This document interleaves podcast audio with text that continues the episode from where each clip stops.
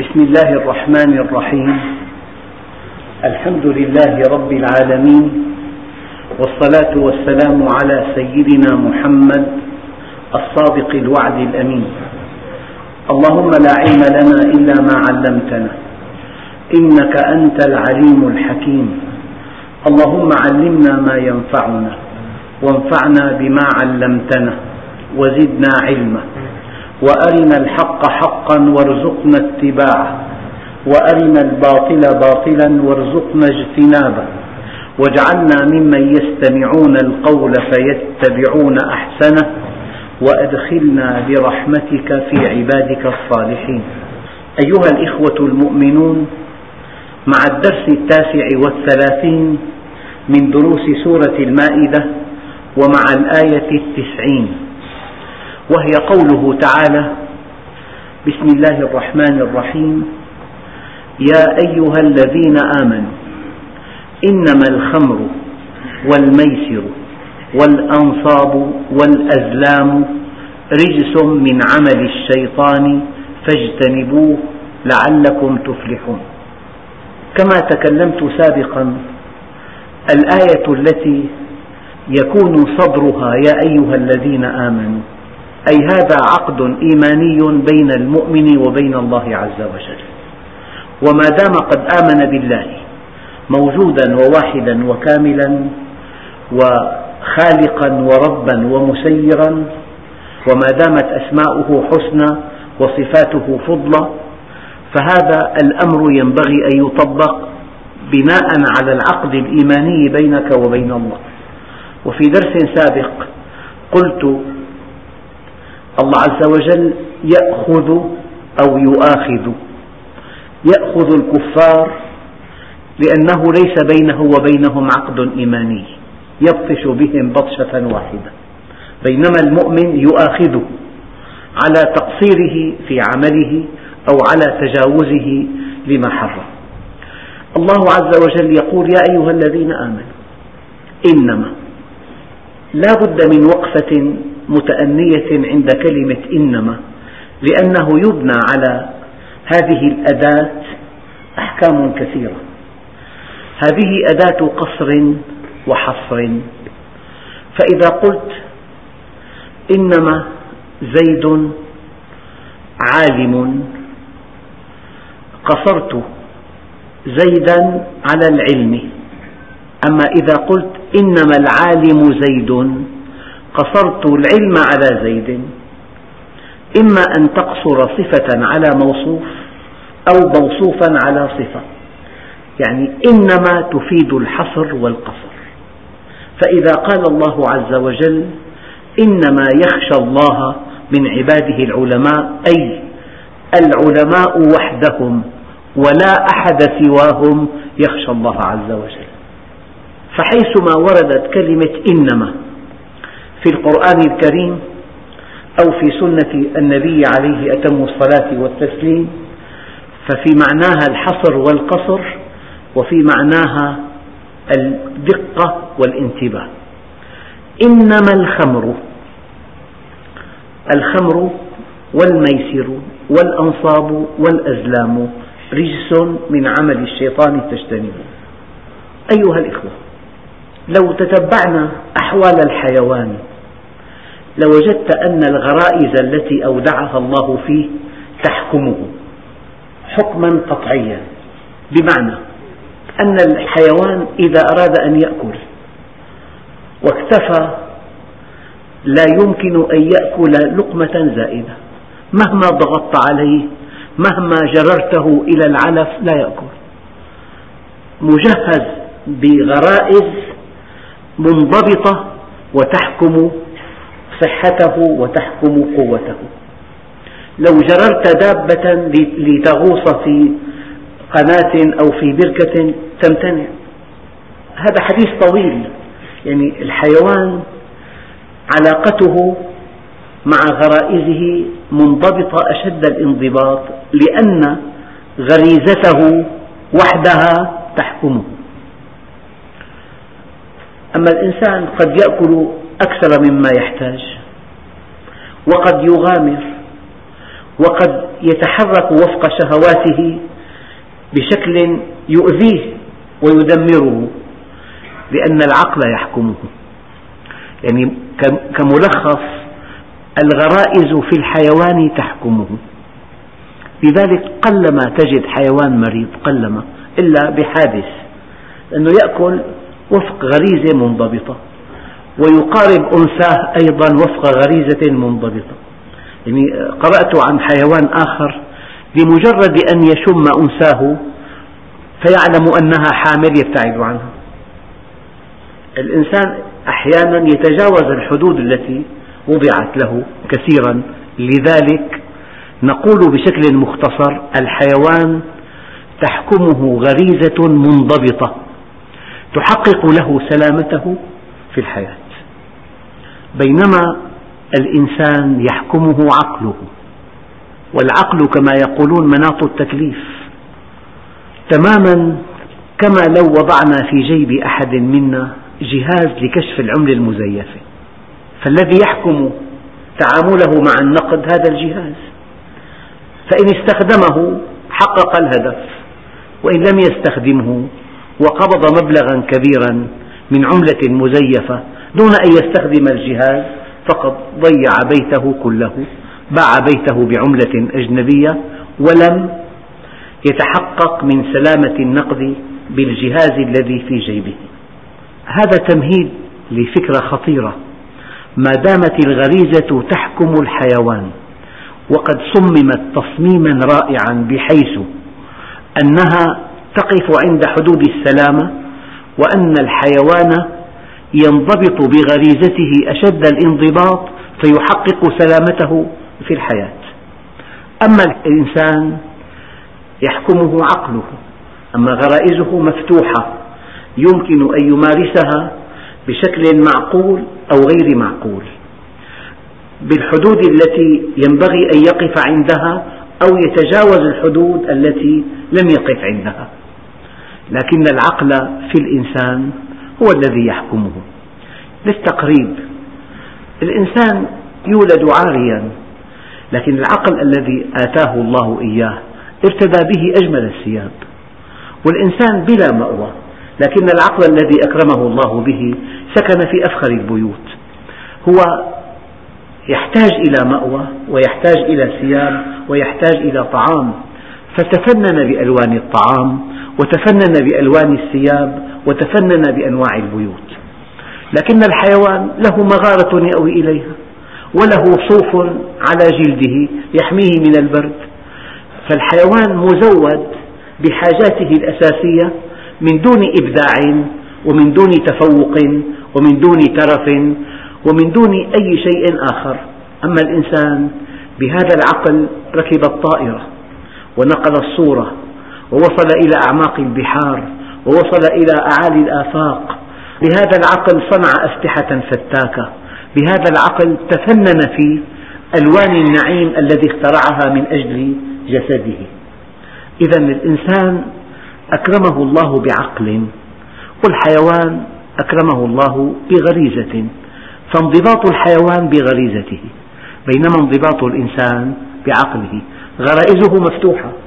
يمكن أن يمارس شهواته فوق الحدود المعقولة وأبعد من الحدود المعقولة. ما علاقة هذا الكلام بقوله تعالى إنما الخمر والميسر والأنصاب والأزلام رجس من عمل الشيطان فاجتنبوه.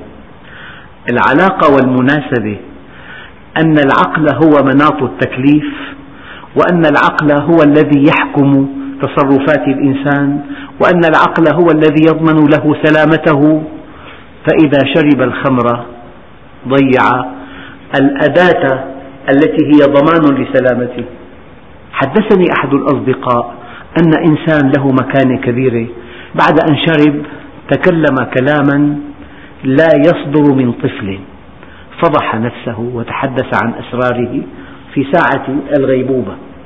فهذا الشراب الذي يذهب العقل ويغيبه عن الوعي محرم أشد التحريم لأن الأداة اللي ممكن أن تكون ضمانة لسلامتك وسعادتك عطلته وتعلمون أن مقاصد الشريعة الحفاظ على الدين والحفاظ على الحياة والحفاظ على العرض والحفاظ على العقل والحفاظ على المال.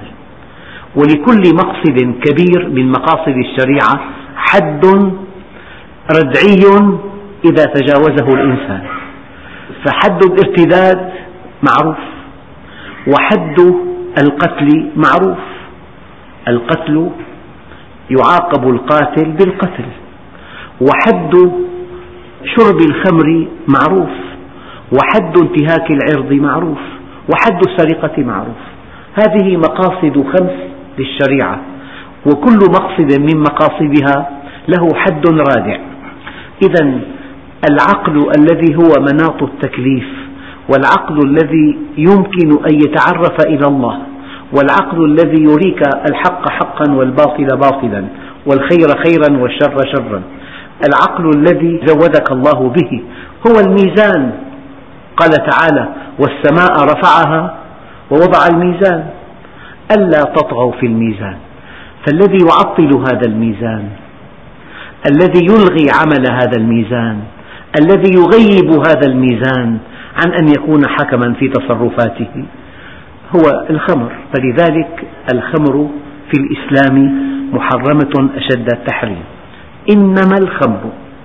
أيها الإخوة يعني ما أسكر كثيره فقليله حرام ما أسكر كثيره فملء الكف منه حرام شراب يعطل أعظم جهاز زودك الله به. أكثر الفضائح تتم في حالة السكر. أكثر أنواع السقوط يتم في حالات السكر. والسكر كما ورد في بعض الآثار جمع الشر كله في بيت ثم أرتج عليه أغلق البيت فكان مفتاحه السكر. وهناك يعني مقولة لطيفة هو أن إنسان خير بين أن يقتل غلاما وبين أن يزني وبين أن يشرب الخمر. فتصور أن أهون هذه الثلاثة شرب الخمر. فلما شرب الخمر زنى وقتل الغلام. جمع الشر كله في بيت ثم أرتج عليه فكان مفتاحه السكر. فالله عز وجل كما تعلمون لأن السكر والخمر كانت شائعة شيوعا كبيرا في حياة العرب قبل الإسلام وحكمة التشريع جاءت فتدرجت بالتحريم. فأول إشارة إلى أن هذا الشراب ليس شرابا يعني مستحبا. قال تعالى في هذا الموضع تتخذون منه سكرا ورزقا حسنا. إذا السكر ليس رزقا حسنا هي أول إشارة. ثم الإشارة الثانية يا أيها الذين آمنوا لا تقربوا الصلاة وأنتم سكارى حتى تعلموا ما تقولون. والآية الثالثة إنما الخمر والميسر والأنصاب والأزلام رجس من عمل الشيطان فاجتنبوه. العالم الشرقي قبل أن يفكك بسنوات حرم الخمر تحريما كليا مع أنه يرفع شعار لا إله. هؤلاء الذين رفعوا شعار لا إله حرموا الخمر وفي حيثيات التحريم كلام رائع. يذهب العقل يبدد الطاقات يقع الإنسان فيه في متاهات وحرم الخمر قبل انهيار الكتلة الشرقية بسنوات تحريما قطعيا لا باحتفال ولا بطائرة ولا بمائدة رسمية لأن واقع السكارى الذي يخزي والذي يدمر صاحبه كان باعث هذا التحريم. بالمناسبة أيها الإخوة منهج الدين منهج موضوعي. بمعنى أن كافرا لو أخذ به لقطف ثماره. في الدنيا طبعا. لو أن إنسان ملحد أخذ ببنود منهج الله عز وجل وطبقها لقطف ثمارها في الدنيا لأن العلاقة بين الأمر ونتائجه علاقة علمية علاقة سبب بنتيجة وأن العلاقة بين النهي ونتائجه علاقة علمية أي علاقة سبب بنتيجة. فالله عز وجل يقول إنما أداة قصر إنما الخمر والميسر والأنصاب والأزلام رجس يعني قذارة عمل قذر عمل نجس. وكلمة قذر في قذارة مادية وفي قذارة معنوية. الخيانة قذارة لكنها معنوية. النفاق قذارة لكنه معنوي. خيانة الأمانة قذارة. إخلاف الوعد قذارة. الكذب قذارة. وشرب الخمر قذارة. إما أن يكون القذر ماديا كالخمر أو أن يكون معنويا كالخيانة والاحتيال والكبر وما إلى ذلك. فإنما يعني الخمر ليست إلا قذارة حصرا. قصرنا الخمر على القذارة ليست إلا قذارة إنما الخمر. والميسر الميسر هو الداء الذي لا برأ منه وليس لذنب صاحبه اغتفار تشاد له المنازل شاهقات وفي تشييد ساحتها الدمار. نصيب النازلين بها سهاد فإفلاس فيأس فانتحار. قبل سنوات ورد في بعض الصحف أن إنسانا مقيم في أمريكا مسلم دخل إلى دار قمار وخسر كل ما يملكه من دون استثناء. اثنان ونصف مليون دولار. عاد إلى البيت أطلق النار على زوجته وعلى أولاده الخمسة ثم أطلق النار على نفسه وقال ليغفر الله لي. لماذا حرم الله الميسر؟ لأنها تلغي العمل. الإنسان إذا لعب الميسر وكسب مالا وفيرا بجهد يسير يرى أن هذه طريقة رائعة جدا في كسب المال. يعني بدقائق معدودة يكسب الملايين. هو يتوهم أن كسب المال بهذه الطريقة يسر ومن هنا سميت الميسر وليس عسرا أما كسب المال الحلال في مشقة كبيرة جدا في تعب في سفر وفي تحصيل ديون وفي مشكلات وفي متاعب لا تنتهي. أما القمار فيما يتوهمه المقامرون قضية سهلة جدا. فلذلك الشيطان من أكبر فخاخه مع الإنسان قضية الميسر. وقد حدثني أخ كريم أنه ما من بقالية في بلاد الغرب إلا وفيها آلة ميسر بقالية. وذكر بعض أصحاب البقاليات أن إنسان جاء ليشتري حليبا لأولاده فلعب الميسر فخسر كل ما معه من نقود فعاد بلا حليب إلى البيت. الميسر يتوهم المقامر أن لعب الميسر يوفر له دخلا كبيرا بلا جهد وبلا تعب وبلا مشقة. لكن هذا الذي يربحه فخ كبير. ثم يخسر. يتابع. لعله يعوض خسارته. ثم يخسر. إلى أن يدمر. إلى أن يخسر كل شيء. وفي أغلب الأحيان ينتحر المقامرون. لأنهم فقدوا كل شيء. ودور القمار في العالم الغربي واسعة الانتشار. ولأنها أحد أحابيل الشيطان. القمار يلغي العمل. أراد الله أن يكون العمل طريقا لكسب المال. لذلك حرم الربا. الربا المال يلد المال. وحرم الميسر. الحظ يلد المال وأمر بالعمل لأن العمل يؤكد قدراتك العمل في تنافس شريف العمل في إبداع العمل في تقديم خدمات للأمة العمل في بناء للأمة فأي كسب للمال عن طريق غير طريق العمل عدا طبعا الإرث والهبة حرمه الشرع. فكل كسب للمال أساسه أن تبنى مصلحة على مفسدة أو منفعة على مضرة فهو محرم. ما هو العمل المشروع؟ بل ما هو الكسب المشروع؟ هو الطريق الذي يأتي بالمال من دون أن يؤذي أحدا بهذا الكسب. هلا السرقة كسب. لماذا هي محرمة؟ أن واحد انتفع بمبلغ كبير سرقه والثاني هذا المبلغ جهده الكبير الذي حصله في سنوات طويلة جاء من يأخذه ظلما وعدوانا. بنيت منفعة للسارق على مضرة للمسروق. إذا هو محرم. اليانصيب محرم. لماذا؟ لأنه آلاف دفعوا واحد أخذ. يعني واحد دفع ما أخذ. واحد دفع شيء يسير أخذ شيء كثير. بلا جهد وبلا تعب. وبلا إبداع وبلا تفوق. فأية منفعة تبنى على مضرة؟ وأي كسب يبنى على محق؟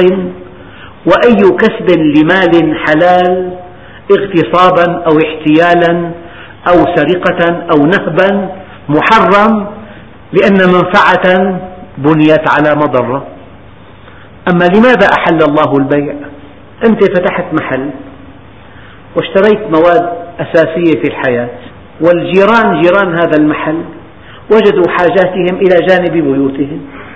فأنت اشتريت بسعر وبعت بسعر. الفرق هو الربح الذي لك. وهذا الجار بدل أن يركب المركبات ويتوجه إلى مركز المدينة اشترى حاجته من جانب بيته. هو انتفع وأنت انتفعت. بالمضاربة لماذا المضاربة مشروعة؟ إنسان يملك مال ولا يحسن استثماره. وإنسان عنده خبرة يحسن استثماره ولا يملكه. فالطرفان قد انتفعا.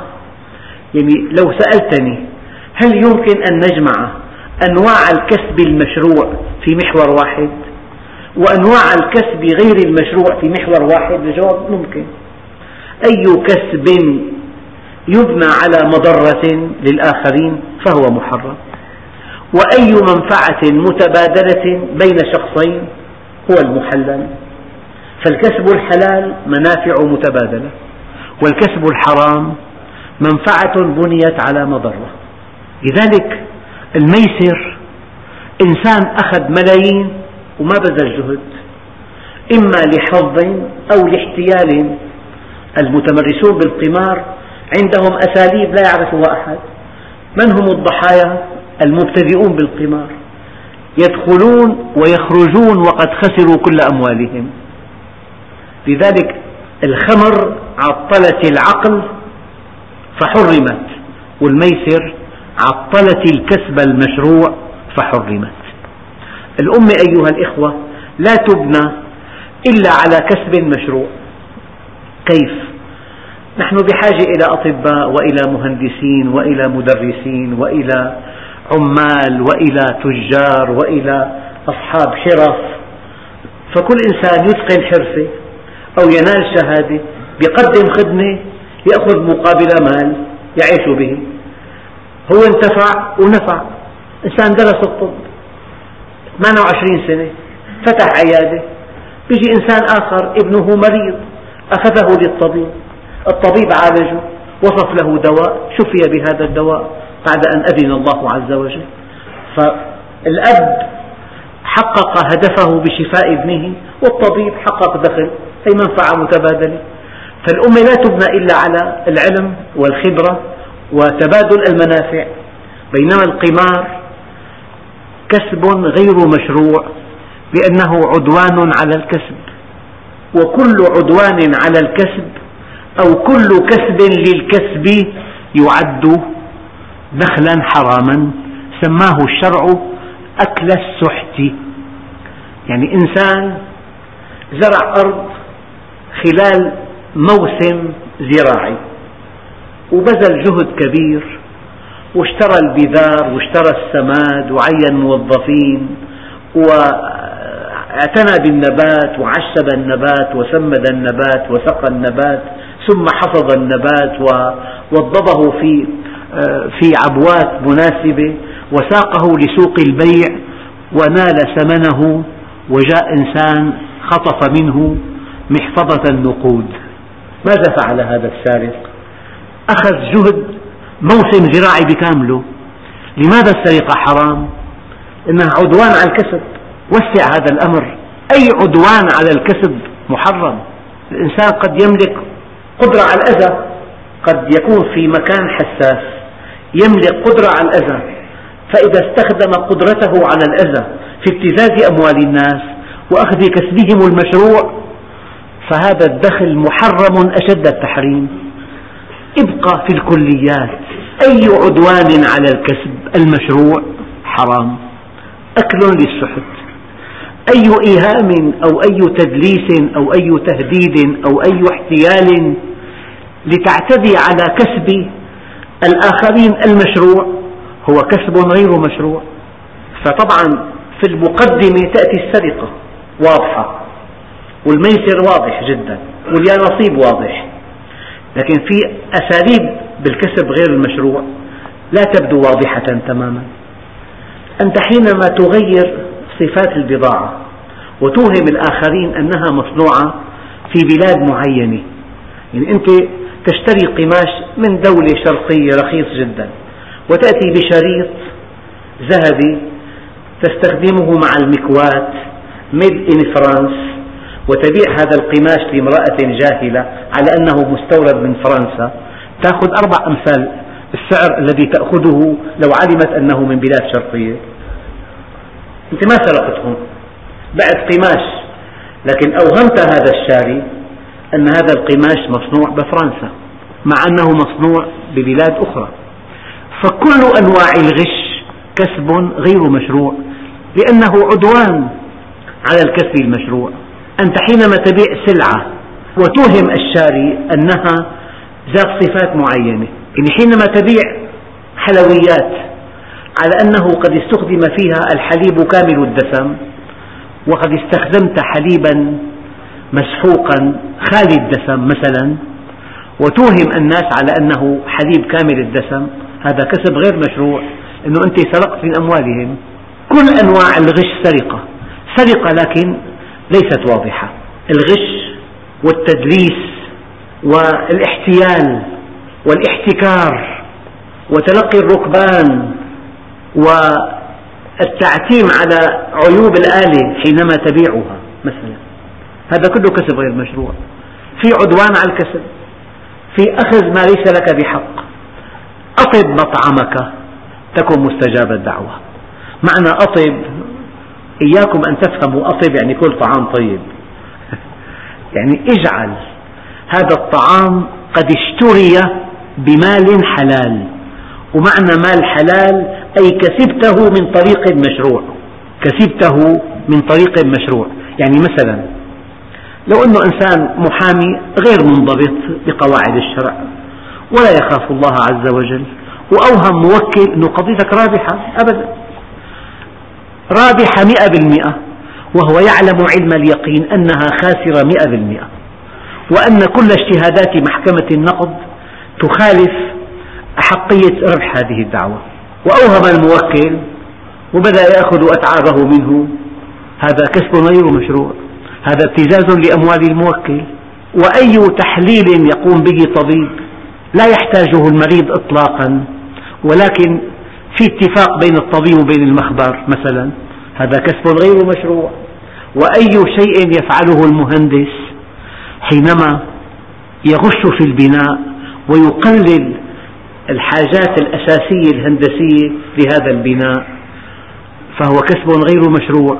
وأي إيهام من المدرس للطالب أنه ضعيف جدا ولن تنجح. يأتي بأسئلة فوق طاقة الطلاب. يأخذون أصفار ثم يوهمهم أنه لا بد من دروس خصوصية. هذا كسب غير مشروع. إياكم أن تظنوا أن صاحب الدين إنسان يصلي.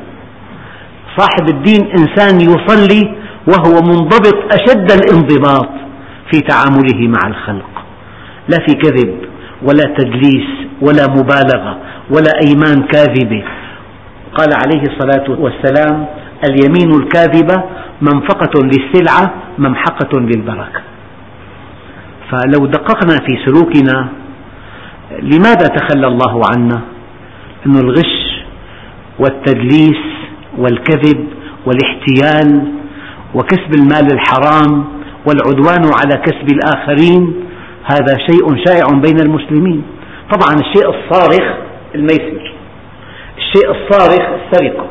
الشيء الصارخ اليانصيب الشيء الصارخ الربا. بس في أكثر من مليون طريق لكسب المال غير المشروع. إنسان يعمل في بيع البيوت فدخل لبيت شمالي والدنيا ليل فحتى يوهم الشاري أنه باتجاه القبلة صلى باتجاه الشمال. فأوهمه أنه باتجاه القبلة. وإذا البيت خمس طوابق يقف معه عند كل طابق دقائق حتى يرتاح. يحكي له قصة ما بينتبه. بيصلى فوق مرتاح تمام مناظر جميلة. ما طلع معه بشكل مستمر مقطع. أوهموا أنه مريح جدا البيت مريح جدا. فأي إيهام أي تدليس أي كذب نوع من الكسب غير المشروع. أنا ذكرت الأشياء الصارخة الواضحة لكن مليون طريق لكسب المال غير المشروع. يفعله المسلمون وهم في حجاب عن الله عز وجل. ما لم تكن صادقا ما لم تكن ورعا ما لم تكسب المال وقد وصل إليك بشكل حلال بشكل يثني عليك الناس ويقولون بارك الله لك بهذه السلعة. أحيانا تبيع جوارب في الشتاء من الصوف. في بالصوف خيوط أساسها ألبسة بالية تعالج ويؤخذ منها خيوط ضعيفة جدا. فهذا الجورب يعني تأخذ ثمن جورب خيوط صوفية متينة هو خيوط صوفية مستعملة سابقا ما يصمد على الاستعمال أكثر من أسبوعين. والمفروض الجورب يتحمل موسم شتوي بكامله مثلا. هذا كسب غير مشروع. أيها الإخوة حينما تلد الأعمال المشروعة المال يكون هذا المال حلالا. فإذا اشتريت به طعاما يكون هذا الطعام طيبا. فإذا أكلت طيبا كنت مستجاب الدعوة. كلام جامع مانع. إذا عملت عملا مشروعا. وسلكت به الطرق المشروعة وخدمت به المسلمين ولم تكذب ولم تغش ولم تدلس ولم تبالغ ولم تحلف ولم تقع في آلاف الأخطاء التي يقع بها الباعة حينما يبتغون ربحا وفيرا بجهد قليل. فإذا خدمت المسلمين بسلعة جيدة وسعر معتدل وكسبت مالا واشتريت به طعاما كان هذا الطعام طيبا. فإذا كان الطعام طيبا كنت مستجاب الدعوة. يا سعد أطب مطعمك تكن مستجاب الدعوة. يعني إذا الإنسان قدر يكسب مال مشروع ويأكل به طعام فهو مستجاب الدعوة. طبعا أنا توسعت في كسب المال غير المشروع لأنه كسب المال غير المشروع الصارخ يعلمه جميع المسلمين. لكن في ألوان وأنواع من الكسب غير المشروع هو محرم إن فيه غشا ويقول عليه الصلاة والسلام من غش فليس منا من غشنا فليس منا ومن غش فليس منا وبالمناسبة كلمة ليس منا ينفي النبي عليه الصلاة والسلام انتماءه إلى الأمة. وهذا من أشد أنواع الوعيد. إنما الخمر والميسر والأنصاب والأزلام رجس من عمل الشيطان فاجتنبوه لعلكم تفلحون. وفي درس قادم إن شاء الله نتابع هذه الأشياء المحرمة التي تفتك بالأمة وتفتك بقدرات الأمة لأنها تودي بأصحابها إلى الهلاك أيها الإخوة هلا في غش بالكيل. إذا اشترى القماش بكيل والقماش له خط منحني على المتر. خط منحني. وإذا باع القماش بشد القماش حتى يتمزق. يفرق أحيانا تضع قطعة اللحم بقوة على الكفة ترجح. رجحت لا بوزنها بل بقوة اندفاعها هذا غش أحيانا. أحيانا في مروحة بالمحل عم تبيع مادة غالية جدا في مواد غالية كثير المروحة مسلطة على الميزان. فإذا جاءت الحركة باتجاه الكفة وزن وقام هذا كمان غش. قلت لكم أنواع الغش لا تعد ولا تحصى. يعني حدثني أخ قال لي والله من أربعين سنة أخذت زيتوناتي على معصرة وأنا بدي ينعصروا أمامي. وانعصروا أمامه. ثم فوجئ أنه في مستودع زيت نباتي مربوط بقعر حوض العصر. فبيعصرهم نص عصرة. وبيفتح المفتاح بينزل كمية من الزيت النباتي بقدر ما ما عصر نص عصرة.